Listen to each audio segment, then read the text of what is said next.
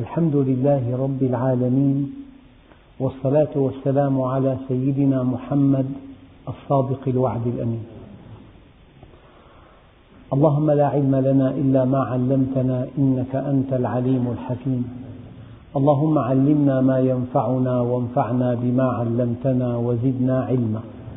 وأرنا الحق حقا وارزقنا اتباعه. وأرنا الباطل باطلا وارزقنا اجتنابه. واجعلنا ممن يستمعون القول فيتبعون أحسنه وأدخلنا برحمتك في عبادك الصالحين. أيها الإخوة المؤمنون مع الدرس الثامن من دروس سورة آل عمران ومع الآية الثامنة عشرة مررت عليها مرا سريعا في الدرس الماضي ونظرا لأهميتها الشديدة سأخصها ببعض التفصيلات. كلكم يعلم أيها الإخوة أنه حينما تدعى لأداء شهادة تنطق بلسانك أنني رأيت كذا وكذا. وهذا شيء واضح وضوح الشمس. ولكن كيف تفهم قوله تعالى شهد الله أنه لا إله إلا هو؟ الإنسان تراه بعينك وتسمع صوته بأذنك وتسمع شهادته. ولكن كيف يشهد الله لك؟ أنه لا إله إلا هو. أو كيف يشهد لك أن هذا الكلام كلامه القرآن كلامه؟ هذا سؤال دقيق. أما كيف يشهد لك أن الأمر كله بيده وأنه الفعال لما يريد وأن بيده ملكوت السماوات والأرض وأنه إليه يرجع الأمر كله وأنه في السماء إله وفي الأرض إله وأنه ما من ورقة تسقط إلا هو يعلمها. كيف يشهد لك أن كل الكون بدقائقه بجزئياته بتفصيلاته بيده؟ هناك قصص قصها علينا في القرآن الكريم. امرأة تضع فلذة كبدها في صندوق وتلقيه في اليم في النهر. ما الذي يسير هذا الصندوق سيرا معينا إلى أن يصل إلى شرفة أو إلى مدخل قصر على النيل؟ وأي غصن اعترض هذا الصندوق فوقف عند شاطئ هذا القصر؟ وأية امرأة شعرت بدافع أن تقف على شاطئ النهر؟ إنها امرأة فرعون. وكيف ألقي في قلبها حب هذا الغلام الصغير؟ وكيف امتنعت المراضع أن ترضعه؟ امتناع, امتناع يعني تحريم امتناع وحرمنا عليه المراضع. إذا دقائق الحياة حركة المياه حركة الصندوق تحرك إنسان محبته في قلب إنسان هذا كله بيد الله. ففي قصص القرآن إشارة إلى أن الأمر بيد الله. قصة سيدنا يوسف فيها تفاصيل ولكن الله يشهد فضلا عن قرآنه وفضلا عن كتابه أنه لا إله إلا هو. كيف يشهد؟ نحن ألفنا أن لكل نتيجة سببا وأن لكل سبب نتيجة وتوهمنا لضعف إيماننا أن هذا السبب خالق النتيجة. والذي آمن بالأسباب واعتمد عليها ونسي الله عز وجل فقد أشرك. والذي لم يأخذ بها فقد عصى. وأنا أقول دائما الإيمان الكامل أن تأخذ بالأسباب وكأنها كل شيء وأن تتوكل على الله وكأنها ليست بشيء. من السهل جدا أن تأخذ بالأسباب كما فعل الغربيون. لكن مع الأخذ بالأسباب الدقيق منزلق خطير. أن تؤلهها وأن تعتمد عليها وأن تراها كل شيء وأن تستغني بأخذها عن الله. والفريق الآخر عندنا في الشرق لا يأخذون بالأسباب. تواكلا على الله وجهلا بحقيقة الكون. النبي عليه الصلاة والسلام يقول عليك بالكيس يعني عليك بالتعقل وأن تأخذ بالأسباب وإن الله يلوم على العجز. أن تستسلم ألا تتحرك أن تنسحب أن تندب حظك أن تقول انتهينا كمسلمين. لا هذا ليس من الدين هذا تواكل. ولكن الله يلوم على العجز. قال فإذا غلبك أمر فقل حسبي الله ونعم الوكيل. إذا الأخذ بالأسباب والاعتماد عليها شرك وعدم الأخذ بها معصية لكن الكمال أن تأخذ بها وكأنها كل شيء وأن تتوكل على الله وكأنها ليست بشيء. أما إذا توهمها, الله توهمها الإنسان هي كل شيء لا بد من أن يؤدبه الله عز وجل. كيف يؤدبه؟ يؤدبه ويشهد له أن الله هو وحده الفعال. وأنه وحده المتصرف وأن الأخذ بالأسباب لا يقدم ولا يؤخر. يعطل هذه الأسباب. أوضح مثل فتاة شابة تتزوج بشاب ولا ينجبان. الأسباب كلها موجودة. الله عز وجل شاء أن يجعل هذا الزواج عقيما ممكن مع أن الأسباب متوافرة أو أن يسمح لامرأة لم تقترن بزوج وهي طاهرة عفيفة أن تنجب مولودا كالسيدة العذراء مريم. إذا إما أن يعطل هذه الأسباب أو أن يلغي وجودها. بهذه الطريقة يشهد الله لعباده أنه لا إله إلا هو. يعني أكبر قوة في العالم أو ثاني أكبر قوة في العالم. تتداعى من الداخل بلا حرب وبلا هجوم نووي وبلا أسلحة ذرية تداعي من الداخل. قال بعضهم عرفت الله من نقض العزائم العزائم قد تأخذ بالأسباب كلها ولا تنجح. وقد تضطر إلى أن لا تأخذ بها لسبب قاهر فتأتي النتائج طيبة وكأنك أخذت بالأسباب. فمن خلال تعطيل هذه الأسباب أو إلغائها يشهد الله لك أن الأمر بيده وحده. يعني قد يسعدك وأنت لا تملك من الدنيا شيئا وقد يشقي الإنسان وهو معه كل أسباب الدنيا معه المال الوفير ومعه الصحة ومعه الزوج ومعه البيت المريح والمركبة الفارهة وهو أشقى الناس. وقد يسعدك وأنت في السجن أحيانا. يقول لك المؤمن إذا كان دخل السجن يقول لك والله اقتربت من الله قربا غير معقول. والله ارتقت ارتقى إيماني وارتقت صلواتي وارتقى وارتقت تلاوتي إلى درجة لا تصدق. قد يرحمك وأنت في أصعب وضع وقد يحجبك عنه وأنت في أقوى وضع. إذا تعطيل الأسباب أو إلغاؤها شهادة الله لك أن الأمر بيده وحده. في ظرف صعب جدا قد يرزقك الله رزقا طيبا. وفي ظروف مواتية جدا قد تحرم من الرزق. يعني بالنهاية يجب أن تؤمن أن الأمر كله بيد الله. يعني ممكن يسقط إنسان من ارتفاع 43 ألف قدم من طائرة وينزل سالما. الأمر بيد الله عز وجل. إذا كنت في كل حال معي فعن حمد زادي أنا في غنى. يعني إذا كان الله معك فمن عليك وإذا كان عليك فمن معك. إذا كان الله معك يسخر لك أعداءك يخدمونك وإذا كان الله عليك يعني يسمح لأقرب الناس إليك أن يتطاول عليك.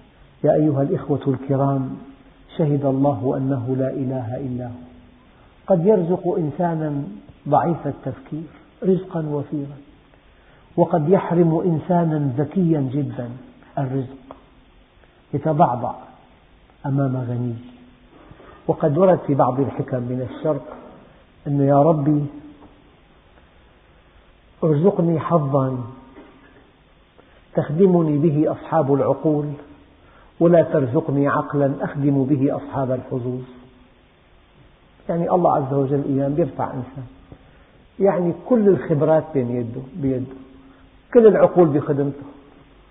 وأيام يكون بأعلى درجة من الفهم. مسخر لخدمة إنسان. كل طاقته وكل إمكاناته وكل ذكائه وكل شهاداته العليا وكل اختصاصه النادر بخدمة إنسان. ليس في مستوى علمه. اللهم ارزقني حظا تخدمني به أصحاب العقول ولا ترزقني عقلا أخدم به أصحاب الحظوظ. هي حكمة من شرق آسيا أحد الفلاسفة قالها نعم. فحينما يشهد الله لك أن الأمر بيده أن الأمر أمره يعني النبي الكريم أخذ كل الأسباب من دون استثناء ووصلوا إلى الغار. هو أخذها لئلا يصلوا. ذهب مشرقا واختبأ في غار ثور ومحى الآثار وجاء بالأخبار وجاء جاء له بالزاد واختار خبير بالطرقات مشرك أخذ بكل الأسباب لكنه اعتمد على الله. فلما وصلوا إليه وقعت عين المطاردين على عين أبي بكر. قال لقد رأونا. قال يا أبا بكر ألم تقرأ قوله تعالى وتراهم ينظرون إليك وهم لا يبصرون. يعني سبب صغير جدا خيوط عنكبوت أنقذت هذه الدعوة. ومن عظمة الله عز وجل أنه يعني يفعل الشيء العظيم بالسبب الصغير. وقد يدمر إنسانا بسبب صغير جدا بكلمة بغفلة نعم يعني مع الله ما في ذكي ما في مع الله تاجر ذكي ولا في قوي ولا في حكيم. إذا أراد ربك إنفاذ أمر أخذ من كل ذي لب لبه. يا رب لا ينفع ذا الجد منك الجد. صاحب الحظ والذكاء والتألق. هذا إن لم يكن مستقيما على أمر الله. يعني يجعل الله تدميره في تدبيره. بفكر بفكر بيجمع بيطرح بيقسم ثم يدمر بتدبيره. يجي إنسان سليم الطوية بريء طاهر يعني الله عز وجل يحفظه مما يحفظ به عباده الصالحين. فكلمة شهد الله أنه لا إله إلا هو كل أفعال الله عز وجل في الأرض تشهد لك أنه هو الفعال. هو الفعال. هو إله في الأرض كما هو إله في السماء. حتى إذا أخذت الأرض زخرفها وزينت وظن أهلها أنهم قادرون عليها أتاها أمرنا ليلا أو نهارا فجعلناها حصيدا كأن لم تغن بالأمس. ترون أنتم يعني أحيانا زلزال بكلف 30 مليار. إعصار بكلف ما جمعه هذا البلد من دول متخلفة خلال عشر سنوات. بإعصار واحد. الأمر بيده. لا سبيل إلا أن نرضيه وإلا أن نكون طائعين له وإلا. الأيام تاجر. يظن حاله ذكي جدا. يغش الذي جمعه في سنوات يدفعه في ساعة واحدة. الله بورطه بمخالفة كبيرة كثير. والغرامة تفوق طاقة احتماله. فيدفع مئات الملايين بساعة واحدة. مع الله ما في ذكي. مع الله ما في حكيم. مع الله ما في قوم. لا ينجيك منه إلا أن تطيعه. في حالة واحدة يا ربي لا ملجأ منك إلا إليك إلا أن تكون في طاعته. معصية مع ذكاء لا تجدي معصية مع خبرة لا تجدي معصية مع قوة لا تجدي. كان في رجل يهودي يعد من أغنى أغنياء العالم. كان يقرض الحكومة البريطانية قرض. خزائنه أمواله في غرفة لها باب محكم. دخل مرة غرفة خزائنه وأغلق عليه الباب خطأ. ومن عادته أن يسافر من حين إلى آخر ويفاجئ أهله بسفرياته. لم يسألوا عنه وظنوا أنه مسافر. ومات في غرفة خزائنه. جرح يده وكتب على الحائط. أغنى رجل في العالم يموت جوعا وعطشا. كالعيس في الصحراء يقتلها الظما والماء فوق ظهورها محمول. يعني لا أذكر هذا منتقدا أبدا أنا. طبيب في أمريكا. يعني روج قضية الجري لسلامة القلب. فكان يجري في اليوم ساعتين.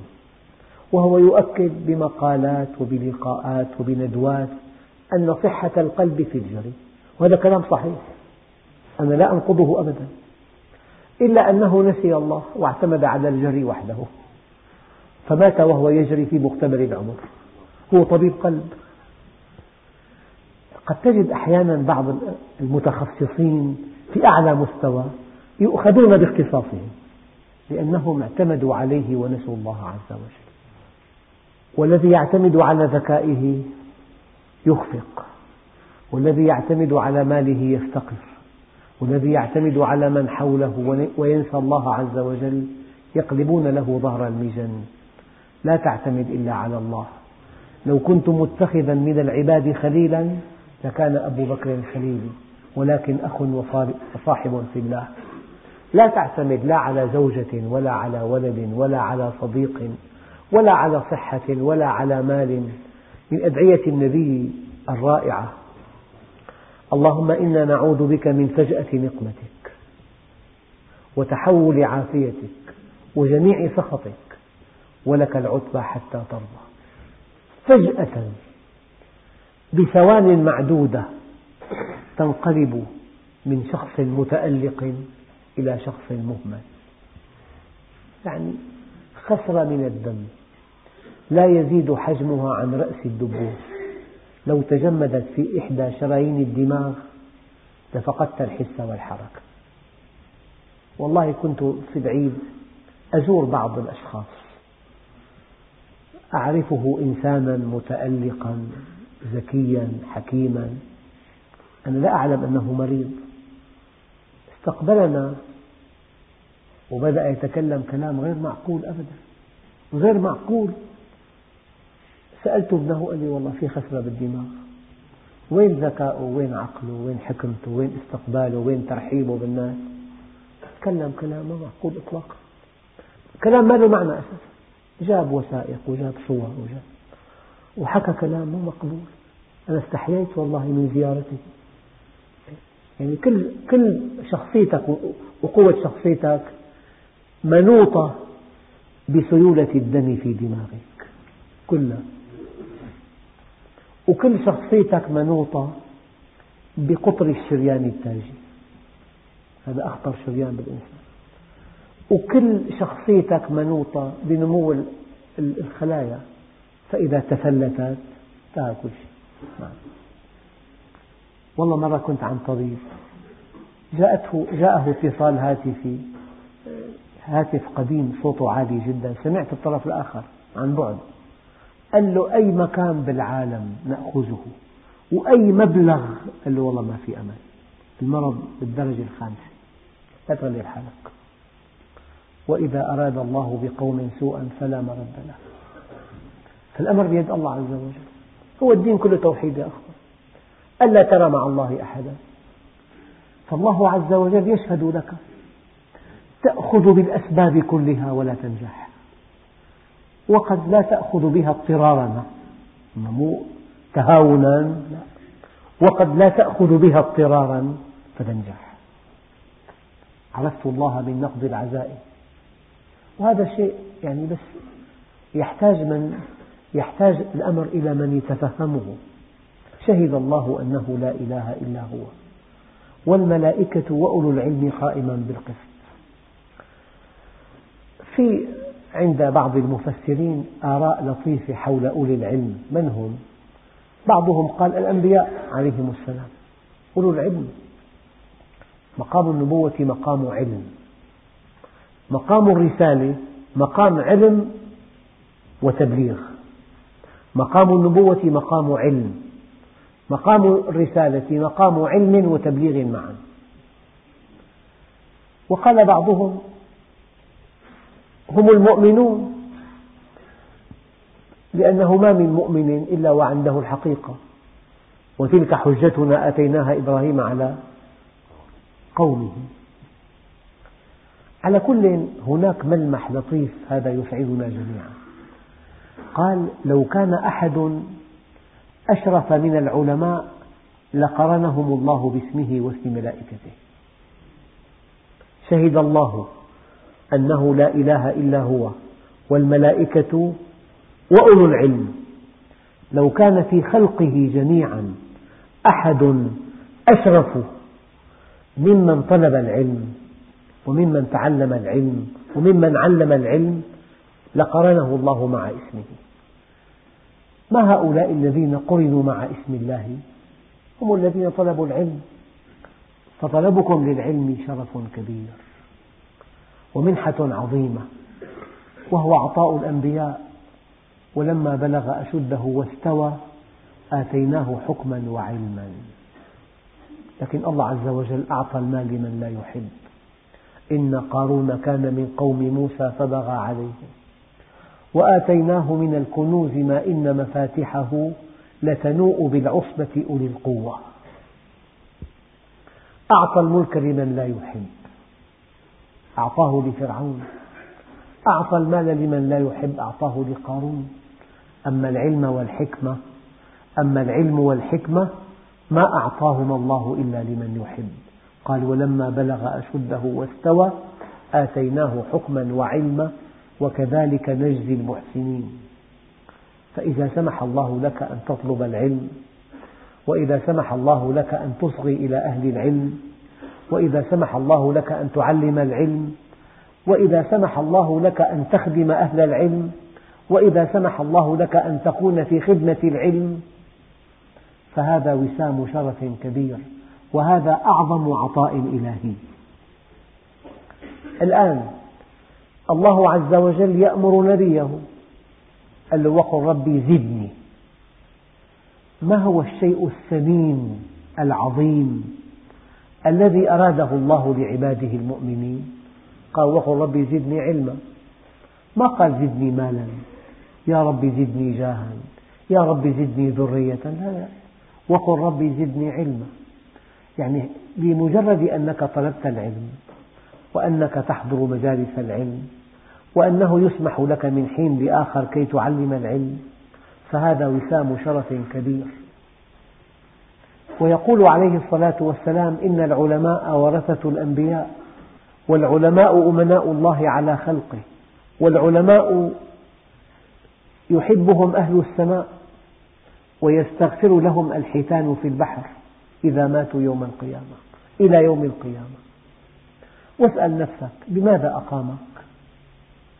الله قد يقيم إنسان بعمل لا يرضيه طبعا باختياره. قد يبنى عملك على ابتزاز أموال الناس أو على إدخال الخوف إلى قلوبهم. وقد يكون عملك تعليم العلم. وقد يكون عملك إنفاق المال في سبيل الله. وقد يكون عملك بناء المساجد. مرة افتتح مسجد في ريف دمشق. حضرت افتتاحه. وكان إلى جانبي يعني مسؤول الأوقاف. قلت له اشكر الله عز وجل على أن الله أقامك في افتتاح المساجد وتعيين الخطباء. هناك من يفتتح الملاهي ويعين الراقصات فإذا أردت أن تعرف مقامك فانظر فيما استعملك. فيما استعملك. ما مهمتك بالحياة؟ هل مهمتك العطاء أم الأخذ؟ إشاعة الأمن في الناس أم إشاعة الخوف؟ إكرام الناس بالمال أم ابتزاز أموالهم؟ أنت لمن؟ تابع لمن؟ تابع لخالق السماوات والأرض؟ أم تابع لجهة أرضية تأتمر بأمرها وأنت أداة بيدها؟ وكلما عرفت قيمة نفسك أبيت أن تكون لأحد إلا أن تكون لله الواحد القهار. شرف المؤمن قيامه بالليل. وعزه استغناؤه عن الناس. شهد الله أنه لا إله إلا هو والملائكة وأولو العلم قائما بالقسط. في ملمح ثاني إن كنت من أهل العلم حقيقة إن كنت من طلاب العلم حقيقة تشهد للخلق عدالة الله. أما في دعوات إلى الله غير معقولة. يقول لك الله نحن ملكه فعلا نحن ملكه. يفعل بنا ما يشاء يضعنا في النار أو في الجنة. هكذا. ولا يحق لنا أن نعترض. هي مو دعوة إلى الله عز وجل. هذه دعوة منفرة. يأتون بمثال أنه نجارتي عنده لوحين خشب. وضع أحد الألواح باب قصر والثاني باب مرحاض. لك عنده دعوة؟ لا. أما لو كان اللوح اللي فيه عقد حطه باب مرحاض واللوح النظيف باب قصر عمل حكيم. فهم من أجل أن يؤكدوا أن الله يملك كل شيء قد لا ينتبهون يعني يصفون الله بالظلم. الله عز وجل قال فمن يعمل مثقال ذرة خيرا يره ومن يعمل مثقال ذرة شرا يره. وهل نجازي إلا الكفور؟ آيات كثيرة تؤكد عدالة الله عز وجل. يا بني إنها إن تك مثقال حبة من خردل فتكون في صخرة أو في السماوات أو في الأرض يأتي بها الله. إذا حينما اقترن اسم العلماء مع اسم الله الأعظم شهد الله أنه لا إله إلا هو وأولو العلم قائما بالقسط ليس هناك على وجه الأرض أشرف من طلب العلم من طالب العلم والملائكة تضع أجنحتها لطلاب العلم. رضا بما يصنعون. لا إله إلا هو العزيز الحكيم. إذا طالب العلم يبين عدالة الله. طالب العلم يبين فضل الله. أيها الإخوة والله أنا أستحي يعني أن أقول عالم. أقول طالب علم. كن أديبا مع الله. أكبر علماء الأرض طلاب علم. طالب علم لا تقل عالم. طالب علم. لأن الله عز وجل قال وما أوتيتم من العلم إلا قليلا. مرة شاب داع إلى الله عز وجل يبدو أنه ألقى دروسا في بغداد وتحلق الناس حوله وأقبلوا عليه إقبالا شديدا. بعض من يعمل في طلب في العلم من التقليديين امتلأ صدره غيرة منه فجاء لمجلسه كي يسفهه. فحضر الدرس وفي نهاية الدرس وقف وقال يا هذا هذا الذي تقوله ما سمعناه مين جايبه هذا؟ هذا مو علم يعني قال له يا سيدي وهل حصلت العلم كله؟ سؤال محرج إذا قال له نعم خالف الآية ولا يحيطون بشيء من علمه إلا بما شاء وما أوتيتم من العلم إلا قليلا قال له كم؟ قال له لا قال له كم حصلت منه؟ قال له شطره. قال له هذا الذي قلته في هذا الدرس من الشطر الذي لا تعرفه. فالإنسان ليكن متواضعا. لا تقل أنا أعلم. لا قل أنا, أنا أعلم بفضل الله. لذلك يظل المرء عالما ما طلب العلم. فإذا ظن أنه قد علم فقد جهل. لمجرد أن تقول أنا أطلب العلم فأنت عالم ولا, ولا ضير عليك أن تقول لا أدري. وهذا وسام شرف آخر. لا أدري. النبي الكريم سئل أسئلة كثيرة قال لا أدري حتى يأتي الوحي. فجاء الوحي فأجاب. وهو قمة العلم في الأرض كلها. على كل أكبر شرف تحوزه أن تطلب العلم. أن تطلب العلم النافع. هناك علم ممتع وهناك علم ممتع نافع وهناك علم ممتع نافع مسعد. إنه معرفة الله. ممتع نافع مسعد. قد تقرأ في النعوة أن هذا من أعلم علماء الأرض في هذا الموضوع. مات انتهى. أما إذا كان يعرف الله علمه ينفعه بعد الموت. أما إذا كان غافلا عن الله وكان متفوقا في العلم علمه ينفعه في الحياة الدنيا.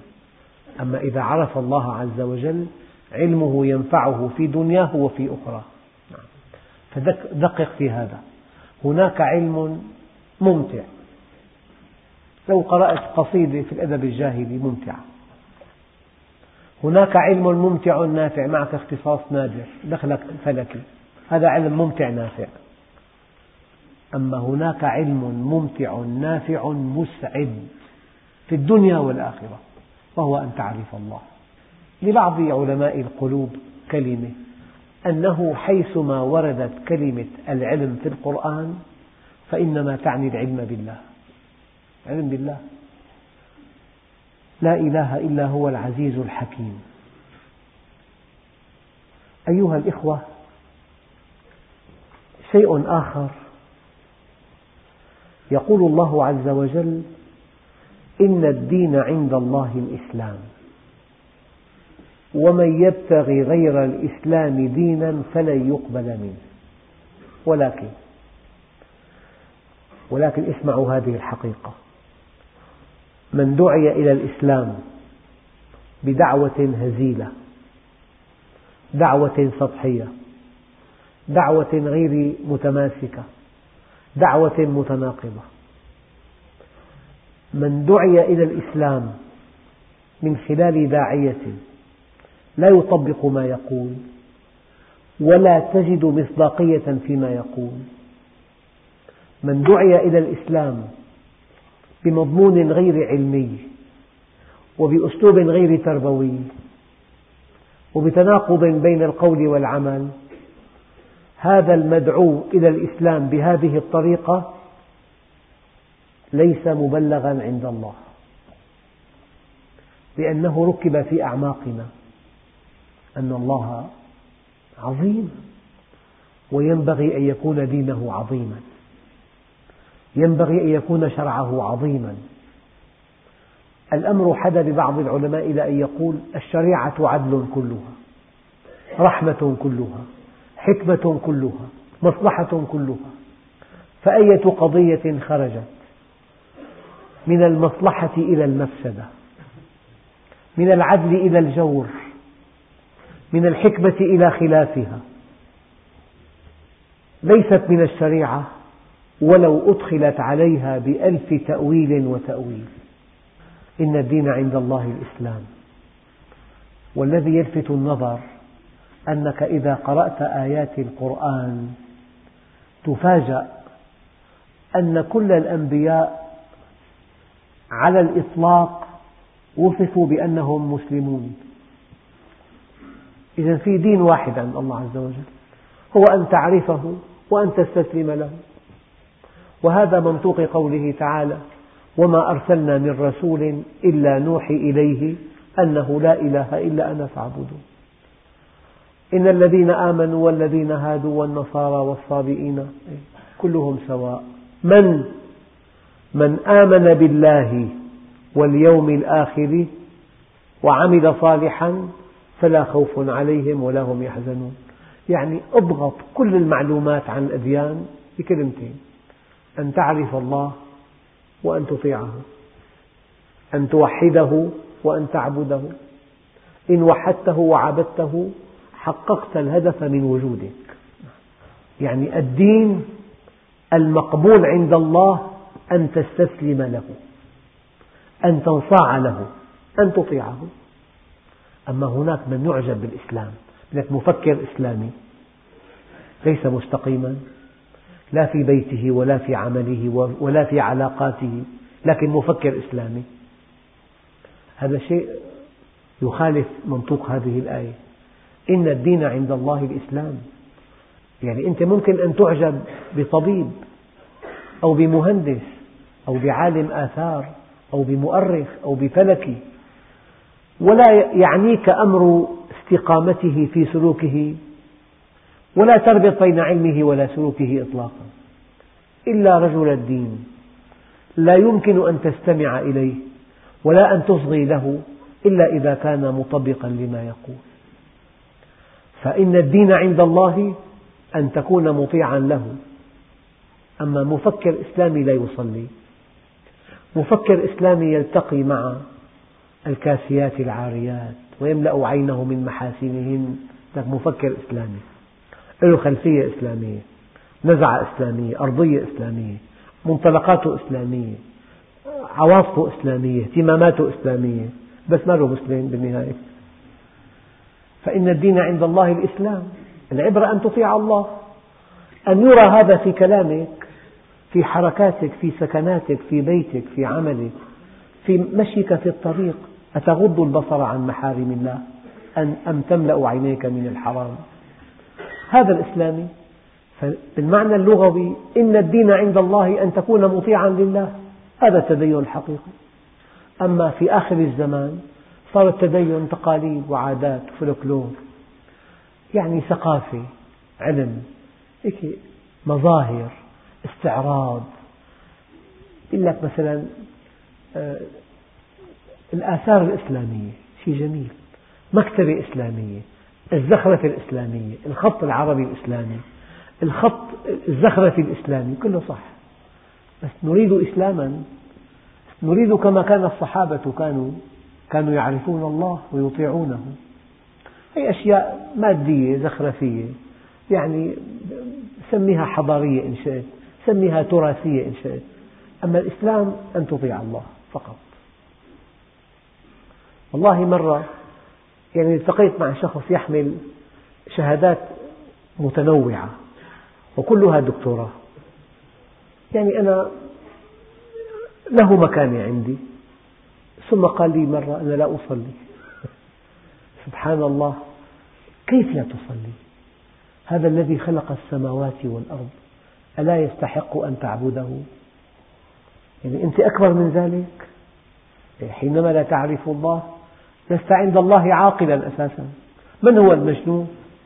النبي الكريم مشى في الطريق رأى مجنونا. فسأل أصحابه سؤال العارف. قال من هذا؟ قالوا مجنون. قال لا هذا مبتلى. المجنون من عصى الله. وأنا حينما وجدت هذه المعاني وجدت أن لا بد من التفريق بين الذكاء والعقل. ما كل ذكي بعاقل؟ قد تجد إنسان قمة العلم.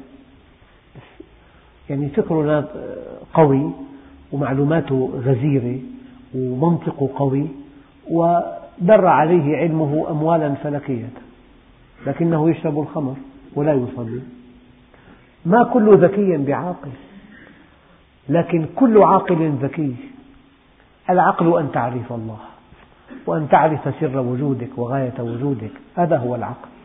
وأما الذكاء أن تتقن اختصاصا أن تتقن اختصاصا عالي المستوى. هذا ذكاء.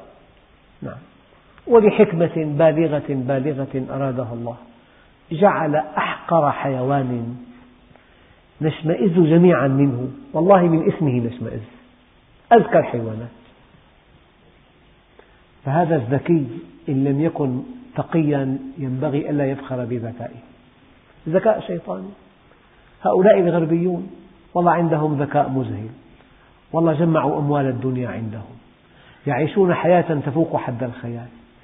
ولكنهم لأنهم ما عرفوا الله. وما عملوا لآخرتهم. والله أغبياء.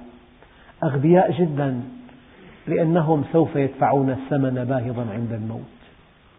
هؤلاء الذين يقتلون الصغار في فلسطين يتوهمون أنهم أذكياء معهم أسلحة فتاكة أنت قوي على طفل أسلحة فتاكة على طفل هذا ذكاؤك؟ الله عز وجل قال وقاتلوا الذين يقاتلونكم. طفل مندفع ببندقية دقيقة الإصابة ترضيه قتيلا. وأنت مسيطر. لا بد من أن تعرف الحقيقة أنه لا بد من يوم يدفع الإنسان ثمن أعماله كلها مهما كان كبيرا. لأن الله عز وجل يقول ولقد جئتمونا فرادى كما خلقناكم أول مرة. تأتي الله وحدك. لا معك أحد. لا نصير. لا جماعة. لا أتباع وحدك. وتحاسب عن أعمالك كلها. يعني في قصة أنا أرويها لكم. هي طريفة للموعظة. رجل من أغنياء مصر الكبار. وافته المنية. وأولاده من شدة محبتهم له. خافوا عليه من أول ليلة يوضع في قبره. يعني القبر مخيف. واحد ينتقل من بيت حقه خمسين مليون إلى قبر. ما في قبر خمس نجوم أساسا. ما في قبر في بلاط أبدا. تراب ممدد. أنت حينما تشيع ميتا ينبغي أن تكون متعظا. هذا الذي يوضع في القبر. البارحة كان بغرفة نوم لك حقها 800 ألف. كان حرامه مهير أرقى أنواع الصوف. غرفة نومه كانت 8 بخمسة كبيرة. مطبخ استقبال بيت فخم سيارتين ثلاثة. وين الآن؟ في قبر في باب الصغير صغير. فطلبوا من واحد فقير جدا أن ينام معه أول ليلة. أعطوه عشر جنيهات إطار عقله. فقبل. هي قصة رمزية مو صحيحة مو حقيقية. جاء الملكان رأوا شخصين في القبر. قالوا هذه شغلة جديدة علينا. يبدو أن أن الحي خاف قام تحرك. قالوا الثاني حي مو ميت تعال نبدأ فيه. من شدة فقره لابس كيس خيش قلم أحمر فاتحه لرأسه فتحة وفتحتين لإيده ورابطه بحبلة. ما في أفخر من هيك. كيس خيش. سألوه عن الحبل من أين جاء قال لهم الحبل أخذته من بستان. طيب كيف دخلت للبستان؟ ارتبك. قاموا قتلوه موتوه بالقتل. موتوه. كيف دخل للبستان؟ أما الحبل كيف أخذه؟ مثلا موضوع ثاني كيس الخيش. فطلع من القبر مزعور. قال الله يعين أبوكم فوربك. لنسألنهم أجمعين عما كانوا يعملون. واحد اصطاد عصفور لمأكلة لغير مأكلته صياد موسم صيد راح على الصحراء معه سيارته شاف عصفور. قال هذا العصفور يأتي يوم القيامة له دوي كدوي النحل. يقول يا رب سله لما قتلني. والله تحاسب عن عصفور تحاسب عن هرة حبستها. امرأة دخلت النار في هرة حبستها لا هي أطعمتها ولا هي تركتها تأكل من خشاش الأرض. فوربك لنسألنهم أجمعين عما كانوا يعملون. من هو الذكي؟ قبل أن يفعل شيئا يهيئ جوابا لله عز وجل. كيف ينجو من حساب الله؟ هذا المؤمن. لذلك إن الدين عند الله الإسلام. التدين الصحيح؟ أن تخضع لله. في كسب مالك في إنفاق مالك في إطلاق بصرك في استخدام أذنك في استخدام لسانك في استخدام حركاتك وسكناتك. اليوم ذكرت على الخطبة يعلم خائنة الأعين. أعجبني شرح بعض العلماء. قال إنسان في مجتمع مرت امرأة له مكانة غض بصره حفاظا على مكانته عند هؤلاء. ثم نظر إليهم فإذا هم غير منتبهين له فاسترق نظرة إليها. فلما رآهم انتبه ورد غض بصره عنا. هو يغض بصره حفاظا على مكانته وإيهاما لمن حوله أنه ورع. فإذا شعر أنه غير مراقب ملأ عينيه من محاسنها. يعلم خائنة الأعين وما تخفي الصدور. تحاسب إلى هذا المستوى.